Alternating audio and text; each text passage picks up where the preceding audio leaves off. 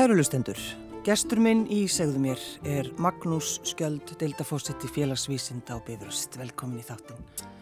Skrifur dagbók? Já, heldur betur. Alltaf hverju, hverju kvöldi, vannig fyrir að sofa.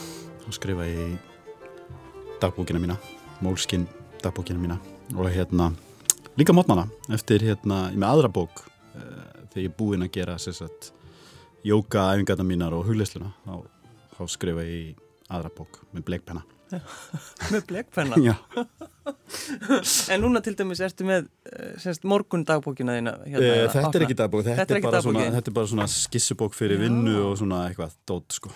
Já, já, já Þú, hérna.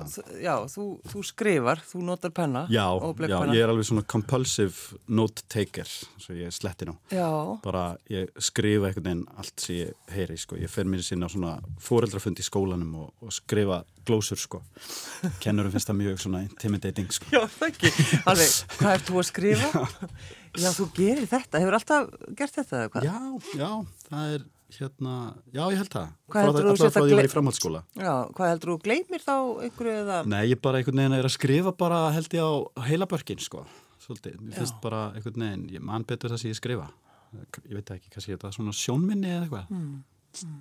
en hvað, semst, hugleður á hverju mótni þá? já, hverju mótni, já og ekki að slengi? í svona, hvað, fjögur ár allavega, já, mm. daglega og hvað, hefur það gert þig að betri manni, Magnús? Mm, nei, definitely ekki en hérna En ég er svona, já, ég, ég, ég veit það nú ekki en hérna ég ætla að svona er, er meira verð meira var við uh, tilfinningar mínar og, og þá hluti sem er í gangi í höstnum á mér sko mm. sem er náttúrulega mjög, mjög gaglegt að vera meðvitaður um hvað er í gangi í höstnum á mér því það er oft ekkert sko ekkert að hjálpa manni. Nei, það, það er svolítið þannig. Um, Ertu alltaf á krossgötum? Ég hérna eh, veit ekki hvort það er að kalla krossgötum. Ég sé frekar, sé frekar fyrir mig sem óendarlega möguleika sko. Man veit ekki sko, þetta er ekki bara einhverja svona þrjár götur sem liggja, skilur mig. Heldur, heldur margar, ótilljandi. Og hann er náttúrulega bara alveg uppið að lesa þessi gömlu grímsæfintýrin þar sem einmitt fólk er ofta á krossgötum og þarf að velja Akkurat. og það koma alls konar já, já. alls konar svona einhverja fígurur sem að Álvar og, og djöfullin já, og, og hvaða leið maður á að fara. Mm -hmm. en sko ferð þú alltaf réttu leið? Alveg öruglega ekki en hins vegar að þá hefur svo, þær leiðir sem ég vali hinga til skilja mig bara á mjög góðan stað sko. Þannig að mér líður bara mjög vel með þær ákvarðanir sem ég teki í lífinu sko. Já, já. En, en maður sko tekur það bara uh, smá svona sem þú hefur verið að gera. Mm -hmm þá er það svolítið spes. Bara svo, ég ætla bara að lesa það? upp ég veit það ekki. Það, nei, það er leiklist. Já, og á þriðja ári þá ákveður að hætta. Já. Við, við för, ég ætla bara að lesa það fyrst. Okay. og svo læknisfræðin, heimsbyggi hagfræði, ferða þing uh, tónsmíðar. Já, já, já. Rektor, mm -hmm. þetta er náttúrulega bara já. já, já, ég get svo sem ekki kvarta sko, ég hef fengið hérna insýn í mjög margt en ég hef ekki farið held ég mjög djúft í neitt. Þannig að hérna um, já, nema kannski ég, ég veit ekki, ég er náttúrulega að vísu sko, það er kannski líi sko, ég er náttúrulega verið í, í starfi í háskóla í 20 ár sko, þannig að þú veist, ég er svo sem kynst því uh, umhverfið mjög vel. Mm. um, og hérna já, má kannski segja að það sé svona það sem ég fari mest á dýftina en, en um, já, mér finnst mjög gaman að bræða á ýmsum réttum og ég fari í starfskynningu við það. Já, en sko, sko leiklistin það ofta einhvern veginn þannig Magnús að fólk, þú veist, það er svo mikil ástriða og mm -hmm, fólk já. hætti og það bara fólk trúir því ekki, já. bara ætlar að hætta. Þetta er ekki draumur þinn? Jú, jú, akkurat, ég oft fengi þessa spurningu og ég veit aldrei svarið við henni, sko. En kannski var það einhverju leiti, sko, þetta var einhvern veginn of mikil ástriða, sko, ég bara einhvern veginn gatið ekki. Það var bara svo, það var svo overwhelming, sko. Já. Og opbóstlega mikil helgun og það var bara svo margt annað sem ég langaði að gera líka sko. mm. uh, veist ég á 22 ára þegar ég tók það ákvörðun að hætta í leiklistaskólanum ja, 23 ára og uh, já, bara því að það var svo margt annað að núti sem ég langaði að prófa. Já, Og hvað gerður þú þá þegar þú... Herru, þá svona til þess að svona reynsa, reynsa listina út á þeim tímapunkti þá fór ég, eins og það er nefndir hérna í læknisfræði en ég er náttúrulega auðvitað skýt fjall. Ég var sko að fjölmjölabrauti í FBA og hérna var búin að vera í, þú veist, á þriðja ári leiklistaskólanum og hérna var að keppa þarna við fólk sem var að koma að beinta á náttúrufræði brauti í MR sko. En hérna, ég byrjaði að vísu sko aftur næsta vettur sko til þess að gera aðra alluga því að fólk var að komast inn hann í annaði þriða skipti sko en svo bara spurði ég sjálf mig hvað er ég að gera sko, hvað rugglir þetta? Ég bara skráði mér heimsbyggi fekk fekk að gera það svona þó, þó seint væri, talaði Já. við Pál Skúlason og hann hlifti mér inn. Já. og hérna kláraði bíagráði í heimsbygginni bara í staðin Sér ekki eftir því. Nei, ég ætla að segja það, Ertu fegin að hafa lært heimsbyggina? Já, já, heimsbyggja er náttúrulega alveg, sko, hún er náttúrulega rosalega gaglegur grunnur og gagleg svona einsýn í sko, veist gaggrína hugsun og allt það sko mm. og gaman að hafa kynst þessum kenningum og hugsuðum og hugmyndum sko mm. sem, að, sem að þar, þar er farið í gegnum En sko, hvað ætlaður að gera við heimsbyggina? Um, ég er unni hafði aldrei neina hugmyndum það sko Nei. ha, það var bara, þetta var bara eitthvað sem að þú veist uh, höfðaði til mín á þinn tíma og hérna ég sá hins vegar ekkert endilega fyrir mér að, að halda áfram í því en það gerði ég það ekki sko. Nei. og hérna tók hagfræði með. Ég var á þessum tíma dálítið svona politist aktífur og hérna hafði áhugað því að verða eða taka þátt í stjórnmálum verða stjórnmálumæður, ég var að tala um að hafa áhugað því að verða það. Já, já. og svona fekk, fekk að smakka það líka. Þannig að það var, var Hvernig leiðir á, á þingi? Mér leiði umlega á þingi sko Mér finnst alveg glata að þurfa að vera á, á móti góðum málum og svona sko því að það er komið frá rungum flokkum og svo leiði sko en hérna, já, ég er unni sko ég tek út fyrir að vera í fjölumilum þó að, þó að þetta sé gaman að vera í svona viðtali sko og þá hérna einhvern veginn komst ég að því að, að þegar maður er í pólitík og er í fjölmjölum og þá er það yfirleitt út af einhverju slæmu sko. já, já. og þegar maður er kvart yfir einhverju eða, eða gaggrína einhverja eða, eða sko já, eh, slást eitthvað. Mm. og hérna jújú, jú, það, það getur svo sem er gaman að ég auðgræðum og, mörguleiti komir óvart því að ég fór á þingarna í þannig stöttatíma sem ég fekk tækifæri til þess hvaða var sko jákvægt andrusloft inn á alþingi á milli alþingismanna. Og hérna ég satt við á Guðna Ágúsinni það var mjög skemmtilegt, svona, mikil húmor í gangi bara og, hérna, og gaman sko En að því þú nefnir þetta einmitt Magnús að þú er engan sérstakkan áhuga einmitt að vera í fjölmiðlum og fara og er eitthvað neginn svona, þú vilt viltu draga því svolítið bara í hlið? Ég hef eiginlega komist að því sko, ég held alltaf að ég væri extrovert sko. Já. Veit ekki alveg hvernig ég fekk það hlug í hausinn kannski að því ég var í hljómsæti og rúlingur eða eitthvað sko. En hérna ég er það ekki sko. Nei. ég er introvert og mér líður best bara sko í fáminum hópi vina mína eða, eða hérna eða einn og, og hérna að vísu, vísu er einu undatenga þessum, ég líði mjög, mjög vel á sviði sem er mjög sérstatt sko að hérna til dæmis sko háskólakennurum þykir yfir litt leiðilegt að, að kenna í sko 300 manna sal í háskóla bíó hvart yfir því að þurfa að gera það sko mér finnst það æðislegt sko mm. þá bara get ég stað á sviðinu, verið með sjálfur mér talað um það sem ég hef gaman að og, og elska og þekki og, og hérna þarf ekki að taka einhvern veginn, þú veist, vera með allir einhvern veginn ón í mér. Mm. Þetta er, samt, þetta er mitt svolítið sérstætt akkurat að standa fyrir framann alla, eitthvað sem að margi bara gæti ekki hugsa sér. Já, já. En svo viltu bara fá verið friði og... Já, ég, ég bara einhvern veginn í mínu einn sóni. Mér líður verst í, sko, í svona visslum og bestastöðum. Þannig að ég er í fullu herbergi af einhverju fólki sem svona hálfþekki veit ekki hvort mann eftir mér og svona kingar já, svona, veist, svona ó, bara skelvilegust aðstæðas í lendi sko. Já, og ertu þá þannig að dregur þig hlið eða reynir að vera svona félag? Ég reynir bara að fara út sem fyrst sko. Ha, bara, veist. Já, eða ekki... hengja mig á einhvern sem ég þekki mjög vel sko. Já, þér verður ekki búið næst, ég hefur það. Það er, þetta er búið. Það er að er búið streikað út, það verður aldrei. En sko þetta er mitt að byrjaði mitt í leiklistinni, þar er eftir mitt uh, vilja, þú veist, vera að standa á sviði. Já, já. Og það er náttúrulega margi leikara sem er að díla við þetta mitt að vera ekki, þú veist, að vera svona introvert. Já, já, öruglega sko. Já, já, já ég minna það er, þetta er náttúrulega líka sko, ég held að ef maður er introverta þá sem maður líka svona í sambandi við tilfinningar sínar eða svona, þú veist, mm. sést alltaf svona á valdi þeirra, svolítið sko. Já og hérna í tengslu með þær og það er náttúrulega hjálpa leikurum mm. myndi ég ætla hmm. En þannig að þú, sko, ef maður dregur upp svona mynd eins og þú ert búin að segja Magnús, þá er þetta svona, já, þú ferð, ferði jóka og svo tekur upp leggpennaðinn og, og skrifar eitthvað hérna, í dagbókina og, en svo þarftu að fara að kenna. Og það, þú elskar það. Já, já, sko, ég náttúrulega er að kenna bifröst og þar er sest ég bara fyrir framann, sko, tölvun og tek upp mm. fyrirlestur, sko. Já, og svo er hann bara sendur út á netinu, sko. Já. Þannig fer all kennsla fram á bifröst í dag. Já En hérna, jújú, jú, ég hef líka svo sem gaman að, að kenna og ég kenni alltaf eitt námskeið í Háskóli Íslands á höstin í félagsrákjáðadeildinni. Kenni fyrst ás námskeið þar um svona alþjóðamál og, og hérna Íslands þjóðfélag og, og hérna mjög staðislegt sko. Mm, mm.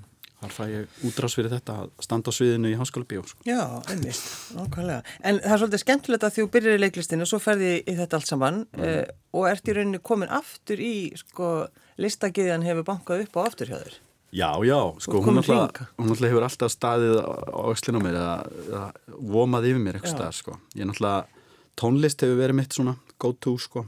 Um, og hérna og ég verið, verið sagt, að sinna tónlist alltaf eitthvað, með einhverjum hætti, sko, samt mjög mismunandi. Ég byrjaði í hljómsveit, þú veist, 14 ára og, og hérna og svo, ég, ég lærði aldrei einhvern veginn neitt, þannig að, þú veist, á hljóðfæri, sko. Mm Þannig ég hef alltaf verið með mjög mikið svona impostor syndrom sko í, í kringum svona að þú veist hljóðfærarleikara sko.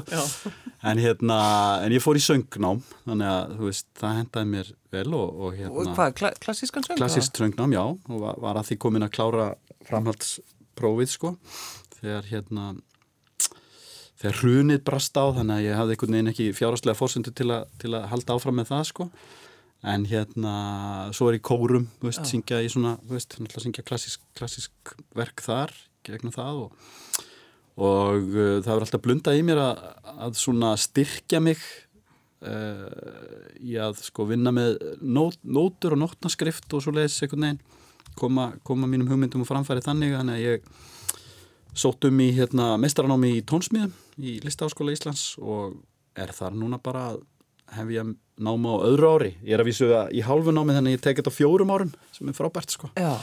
fæ ég bara að vera þarna að hérna, vinna þessu, þessum dásenda verkefnum í, í samstarfi við hérna, frábæran leiðbennanda Einar Torfa Einarsson, tónskáld og aðra snillinga sem þarna eru sko. En ég meina hvað sérðu? Og metanlegt sko. Já, Magnús, hvað sérðu með þetta, hvað ætlar að gera við þetta? Ekki neitt sérstaklega, bara, þú veist. Ekki neitt? Bara sko, það er alltaf margir sem deyja með músíkina sína inn í sér Ég ætla að bara koma út. Já, já. Veist, mér er alveg sama hvort einhver hefur gaman að henni annar en ég sko en, en hérna ég ætla alltaf að koma henni, frá mér. Já, hvernig var að vera rektor í hruninu? Já, nú ætla ég að reyna að vanda mig. Já, nei, sko, ég ætla ekki bara, ekki bara að segja að það var ömulett nei. nei, það var auðvitað mjög mikil áskorun.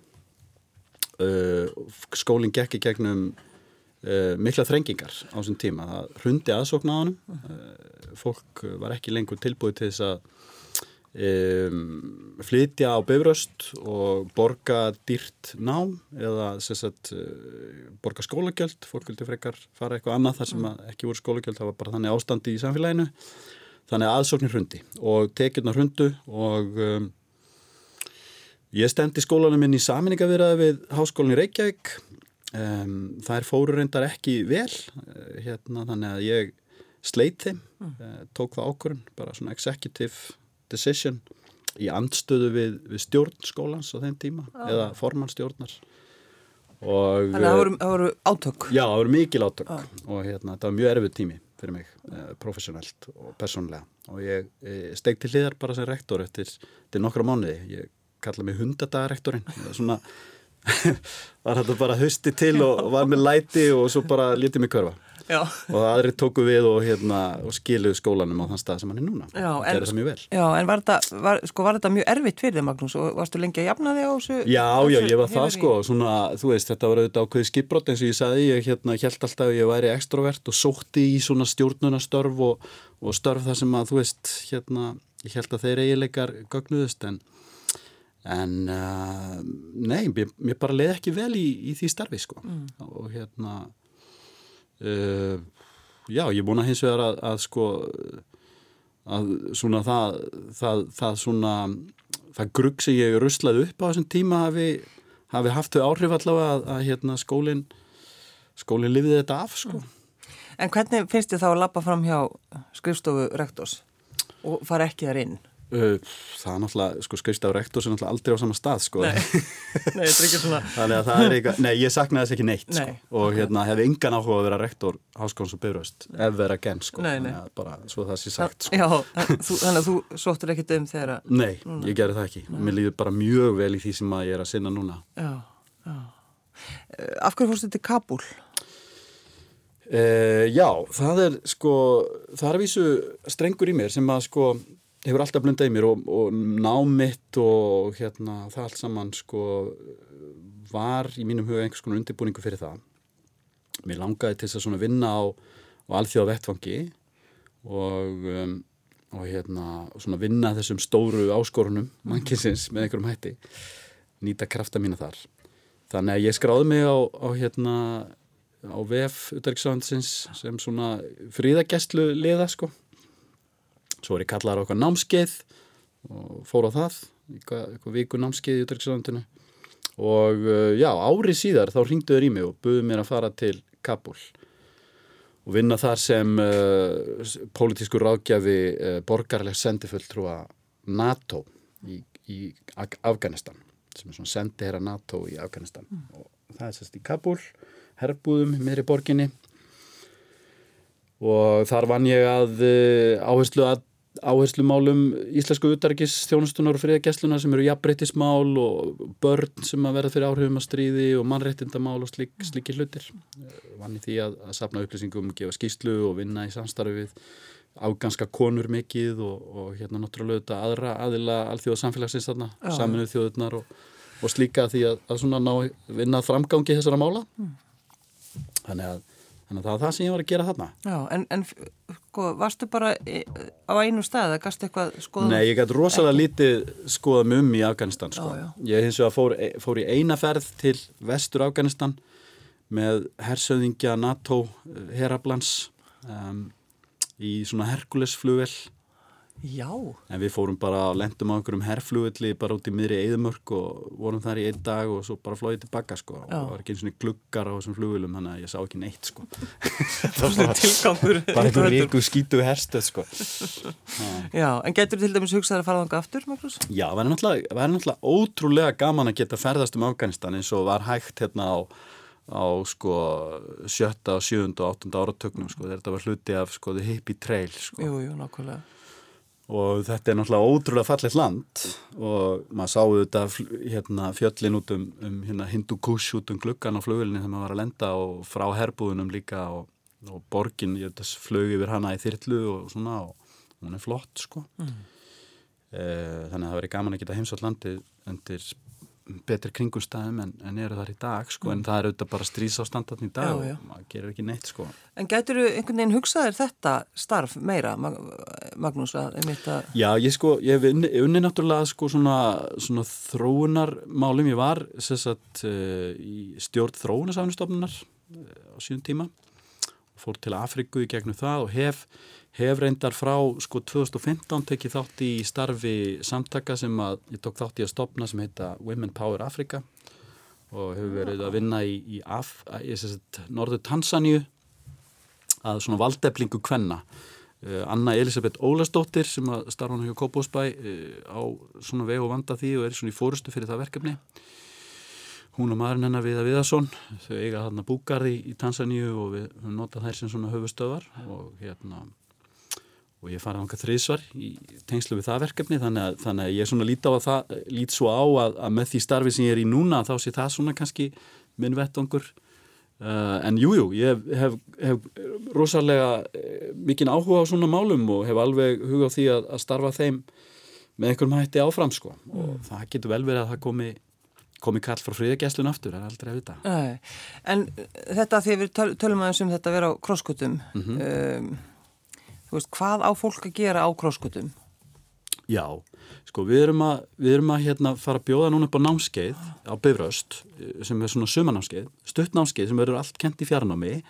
Uh, þar sem ég er búin að fá með mér, með mér alveg frábært fólk uh, innkomandi rektor er, verður hluti af, af hérna, teiminu, Margret Jónsdóttir Njarvík síðan er ég þarna með Ettu Jónsdóttir Markþjálfa og sérfræðingi fjármálahegðun. e, Dóru Guðrúnu Guðmustóttur sem er sálfræðingur og sviðstjóri hjá landlækni. Hlín Helgu Guðlustóttur sem er, er stefnumótunarráðgjafi og sérfræðingur í skapati hugsun. Og Efu Há Baldurstóttur sem er lögfræðingur og, og jógakennari. Og hérna og við ætlum að setja þarna saman námskeið þar sem að sko verður farið í gegnum svona hluti sem, og svona tók, tækjutól sem gagnast fólki sem er að stendur á krosskutum og þarf að svona að sko taka ákvarðanir, stefnumótandi ákvarðanir í sínu lífi. Og hérna við munum vera þarna með blöndu af, af hamingjufræði, náttúrulega reyna grundvalla þetta á sko faglegum rannsóknum uh, fjármálum einstaklinga og fjármála hegðun, skapati hugsun, stefnumótandi aðgerðum Uh, jóka og hugleislu sem að verður svona und, undir staða verður, verður sko búið upp á hugleislu sessjón alltaf með hverjum hverjum hérna mótul mm, mm. Uh, og svona svo mun ég líka vera þarna með svona innkomu með svona þetta samfélagslega samhengi og svona sjálfbærni og samfélagslega þáttöku og, og það allt saman sko, hvað við getum gert sjálf til þess að gera heimi betri og, og svona lagt að mörgum því að auðvitað er svo margt sem að sko Uh, hafmyggja manns tengist í svo mikið að geta lagt eitthvað að mörgum skilur, að taka ekki bara taka heldur líka að gefa og gefa sko. mm. og því meira sem maður gefur því meira fær maður sko. Það er einhvern veginn lögmálið Já, jú, ég held að ég, einhvern veginn ég held að allir séu sammála því. Já, er það ekki? Já, Já. að leggja eitthvað að mörgum Já. Já. En sko, sem ég kannski segja hvað þarf námskeið í því? Þó maður sé á krosskutum Nei, nei, sjálfsagt eru margir sem þurfi ekkert svona námskeið sko. Já, það getur maður ekki hérna, bara tekið ákvörðun. Já, já, en, en fyrir þá sem að, sem að sko hafa áhuga á, á því að, að sko að öðlast svona tæki og tóla þá er þetta sniðut námskeið sko já. og hérna verður, verður mjög spennandi held ég. Þannig... Að því hún nefnir einmitt jóka og það, hef, sko hefur þetta breyttið að lífiðinu að byrja í því eða hvað? Já, algjörlega, ég hérna ég kynntist jóka til til að snemma, svona bara þú veist kringu tvítugt sko, sem ég var að lesa eitthvað svona um jóka heimsbyggi og svona og svo fór ég að prófa þetta og, og hérna, það má segja kannski fyrir svona 15 árum hafi ég byrjað að stunda þetta einhverju ráði, bara svona kannski einu svona viku eitthvað svo leiðis en svo flyttið til Hollands um, um áramótin 2016 mm. og þá bara er það fyrsta sem ég geri er að fara í heimsókn á, á hérna jókastúdjó sem er rétt hjá það sem ég bý.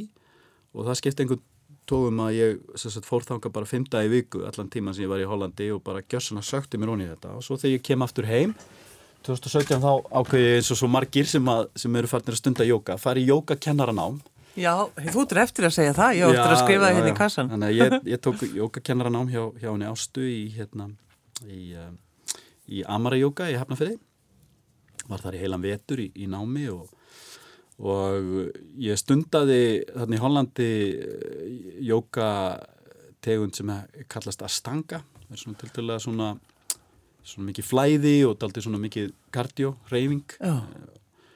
Og þegar ég var í Kabul þá, þá sagt, kendi ég þetta Astanga tviðsar til þessari viku, herrmönunum enna sko, það var svona mitt framlag til, til samfélagsins þarna sko Og var alltaf var... stór hópur af, af hermunum? Já, það var alveg slatti af, af, af hermunum sem komu og sóttu þetta hjá mér sko. Já, já. sumir hafa kannski verið eitthvað svona, nei, þetta er ekki fyrir mig, eða hvað? Uh, þetta var náttúrulega bara, þú veist, þeir sem vildu sko. Bara, ég hengdi bara svona að fjórir blað upp á vegg í kafeteríunni og svo komum bara þeir sem vildu sko. Já, já. Bara, já, já. Og hérna, já. Og fannstu sko, þegar, þegar maður er að kenna jóka, mm -hmm. þegar þú sérð einhvern veginn árangur. Já Já, það er æðislegt, það er ofsalega gefandi að, að kenna þetta. Maður eru auðvitað ekki að yfka sjálfur þegar maður er að kenna, þegar maður er að leipina, en það er alveg ofbúslega gefandi að, hérna, að sjá fólk uh, tilhenga sér þetta. Því að þetta er alveg ótrúlegt, uh, ótrúlegt tæki til svona sjálfstyrkingar og líka bara, þú veist, ég gerir þetta hverjum degi, eitthvað jóka hverjum degi, byrja alla daga á þessu. Og bara það að fara á móttuna skilur mm. þú bara finnur nákvæmlega hvernig það líður sko, í líkamannum og bara, þú veist, tengir algjörlega við allt systemið eitthvað með því að þetta er auðvitað, þessi líkami okkar hann er auðvitað það, það tæki sem við höfum til þess að upplifa það sem við erum að upplifa hérna á þessari jörð sko, allt sem að gerist sem að tengist okkur sem einstaklingum fer einhvern veginn fram í gegnum hennar líkama sko mm. þannig að það að, að þekkja hann og, og já, reyfan og og svona já, notan eins og, eins og hægt er að það er, það er algjörlega nöðslegt. Mm. Er eitthvað, eitthvað fallegt við það einmitt með hermenn að þeir stundi jóka? Er eitthvað... Já, það var áhugavert sko. Ég, hérna, þegar ég, þegar ég kenni hérna á, á sko, á Íslandi að þá þá, eh, þá eru ákveðna svona jókastellingar sem að reyna mikið á magavöfana sem eru erfiðar oft fyrir fólk sko. Það var ekkert mál fyrir hermerina þeir áttu þess að eru erfiðar að með kannski svona að snúa sér og taka svona baktvist og svoleiðis sluti sko. Já, þetta er svoleiðis jóka þetta er svona er, þetta er, já, já, það er, al, það er náttúrulega bæði sko styrt, styrt, styrtaræfingar og, og líka náttúrulega þetta sveigjalegi ég er alveg, eiginlega alveg hættur að yfka að stanga sjálfur. Ég er bara í svona einhverju mjúku jóka núna sko, sko henda mig bara núna og mm. þú veist, maður verður bara að hlusta á líkamann. Maður er ekki að keppaðu neitt þessu bara, þú veist, reyfa sig sko. Já, já. Hvað átt á börnum? Herru, ég á fjögur börn. Og hérna þrjá stráka og, eina stelpu mm. og öllum aldri þannig að mitt elsta er 23 já, elsti strákur minn er 23 mm. býr með kæristunni hérna í miðbænum e, svo er ég 19 ára strák sem var að klára stúdendin í Flensborg, núna bara það síðustu helgi og svo er stelpa mín, hún er, hún er að byrja í tíundabæk næsta höst 15 eh, ára og svo er ég lítinn strák sem að 10 ára Þetta er svolítið sletti Já, já, þetta er alveg, en það eru fjögur og halvt ára millið þeirra allra sko, þannig að þú veist, þegar þetta var að vera þægilegt þá kom nýtt sko. Já, einmitt, bara alltaf að vera á tánum. Já, já, akkurat, en hérna samt sko þá, þá já, þetta er náttúrulega, þetta er ekki það mikið aldrei spila að þau hafa alveg félagskapa hvert öðru sko. Já, já. Er þetta alla yngsta batnið öðruvísu upp heldur en þessi sem er ánum 23? Sko, já, sko, ég er náttúrulega, þú veist, ég er náttúrulega elengan upp, sko, ég er bara, þú veist, ég er bara þarna til staðar, sko. En hérna, ég myndi segja já, ég er að eiga í allt öðruvísi, já, ekki kannski allt öðruvísi, ég á í öðru, öðruvísi tengslum í dag heldur en ég átti þegar ég var 28 ára, sko. Mm. Og hérna, þannig að bæði aldrei... Betri núna þá eða? Ég, öðruvísi kannski? Bara, bara öðruvísi sko. Já. Já, ég hugsa sko, uh, ég verð bara að viðkjanna það, bara, náttúrulega bara að opna mig með það. Að sko, ég var í, var í hjónabandi í 25 ár og hérna skildi á meðan ég var út í Kabul, ef ég hjóni skildum, og ég kom heim fyrr heldur en ég hafði hugsað mér að gera til þess að svona taka utan um þetta fóröldarhlutverk, því að sko, það er auðvitað mikið vest að sem maður gerir. Og ég viðkynni það að já, í öðruvísi og svona betni samskiptum við börnum mín þegar ég er eitt með þau heldur en þegar við vorum tvö já. það sko þá var þetta meira svona eh, verkaskipta einhverju leiti sko mm. og ég, ég hugsað sko að kona mín fyrirverandi hafi verið svona meira í tengslum við tilfinningahliðina í börnunum heldur en ég var á þeim tíma sko en það er öðruvísi núna, nú þarf maður bara að vera til staðar fyrir allt sko. Já, já. Eh, já og þú, bara... reynir, þú reynir bara að já, skilja, skilja alla já, já, já, já, maður verður að gera það. Já. Já, já. En, en sko, já, já, þetta, þetta breytti sambandi mínu við börnin að hérna, vera ekki lengur tvö. Við vorum, við vorum lengi tvö uh, áður en að fyrsta barni kom sko. Þannig að hérna, við verðum mjög svona þjætt teimi sko.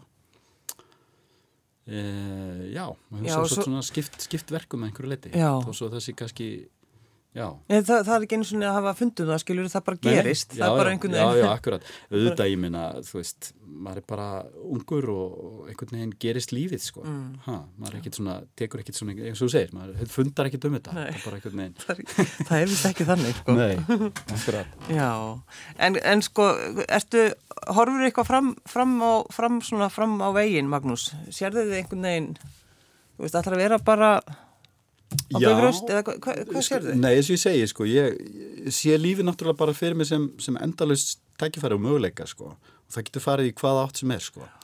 Og hérna mér líður vel það sem ég er núna. Ég er ekki, ekki ósáttur og er ekkert að leita að einhverju öðru. Mm. ég get gert það sem, að, það sem ég langar til að gera og hérna en hins vegar bara koma hlutir upp, skilur við ég meina eins og ég segi, ég meina það geti, geti verið ringt í mig frá friðagjastlun aftur það geti, þú veist, poppað eitthvað annað upp eða, þú veist, maður veit það ekki sko. Hvað varst það að gera í Hollandi? Hvað varst þar? Ég um, byrjaði í samstarfi við hollenskan háskóla í kringum 2012 og Bifröstöfum verið í samstarfi við hérna háskólan í Hag í all nokkur ár og ég sérst að fór að fara ánkað út svona reglulega að, að hérna sinna ákveðnum verkefnum. Og það kemur einhvern veginn bara upp í, í framhald af því að, að mér er bóðið að, að leysa af stjórnanda í, í Evrópufræði deilt háskólans. Þannig að ég fór hérna bara í sjö mánuði og, og leisti af uh, aðila sem var í, var í fríi í rauninni, ah. þannig að það var það sem ég var að gera aðna mér stóði og þetta er bóðið að vera aðna áfram en, en ég, ég ákvað að koma aftur heim Er það þannig að þú farið eitthvað svona eh, veist, einhver ringir í þig, Magnús? Mm og sko, ertu lengi að hugsa þau um? Nei. Ég, hérna... Ertu kannski er lendur kannski vesinu út af því? Ég tek allt og, allt og hratt ákvarðanir Já, ég meina það.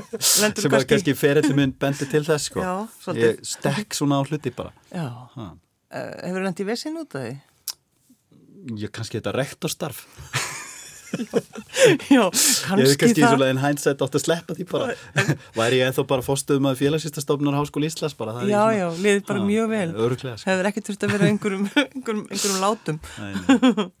Já, það er kannski eina sem þetta er svona í hug. Nei, nei, ég séu þetta ekki þetta því. Það var alveg rosalega gaglega reynsla og veist, skilaði mig þá hvað sem ég er í dag og ég er mjög sottu við það sem ég er í dag. Já, já.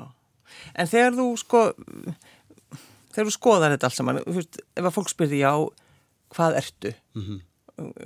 getur þú svarað því? Veist, bara hver ertu? Hvað Mitt. gerur þú já já, einhver var að einhver var að hérna já, ég var í göngutum með, með vinið mínum um daginn og við hittum eitthvað fólk og, og hún kynnti mig og sagði já, hann er stjórnmálafræðingur. Og ég bara svona, já, er það það sem skilgrænir mig það er einhvern veginn eitthvað sem ég hugsa ekki dum skilur mig, bara eitthvað, já, ok. Já, þetta er svo gaman líka við Íslandingar erum alveg þann, og hvað gerir þú? Já, já, akkurat. Nei, ég, hérna, ég hugsa rosalega lítið um það sem ég geri, sko. Og hérna, veit það ekki, þegar maður kannski svona eh, stundar svona hugleislu og svoleiðis hluti að maður bara einhvern veginn nær sambandi við eitthvað annað heldur en þetta ego sko, mm. vona ég. Já, já.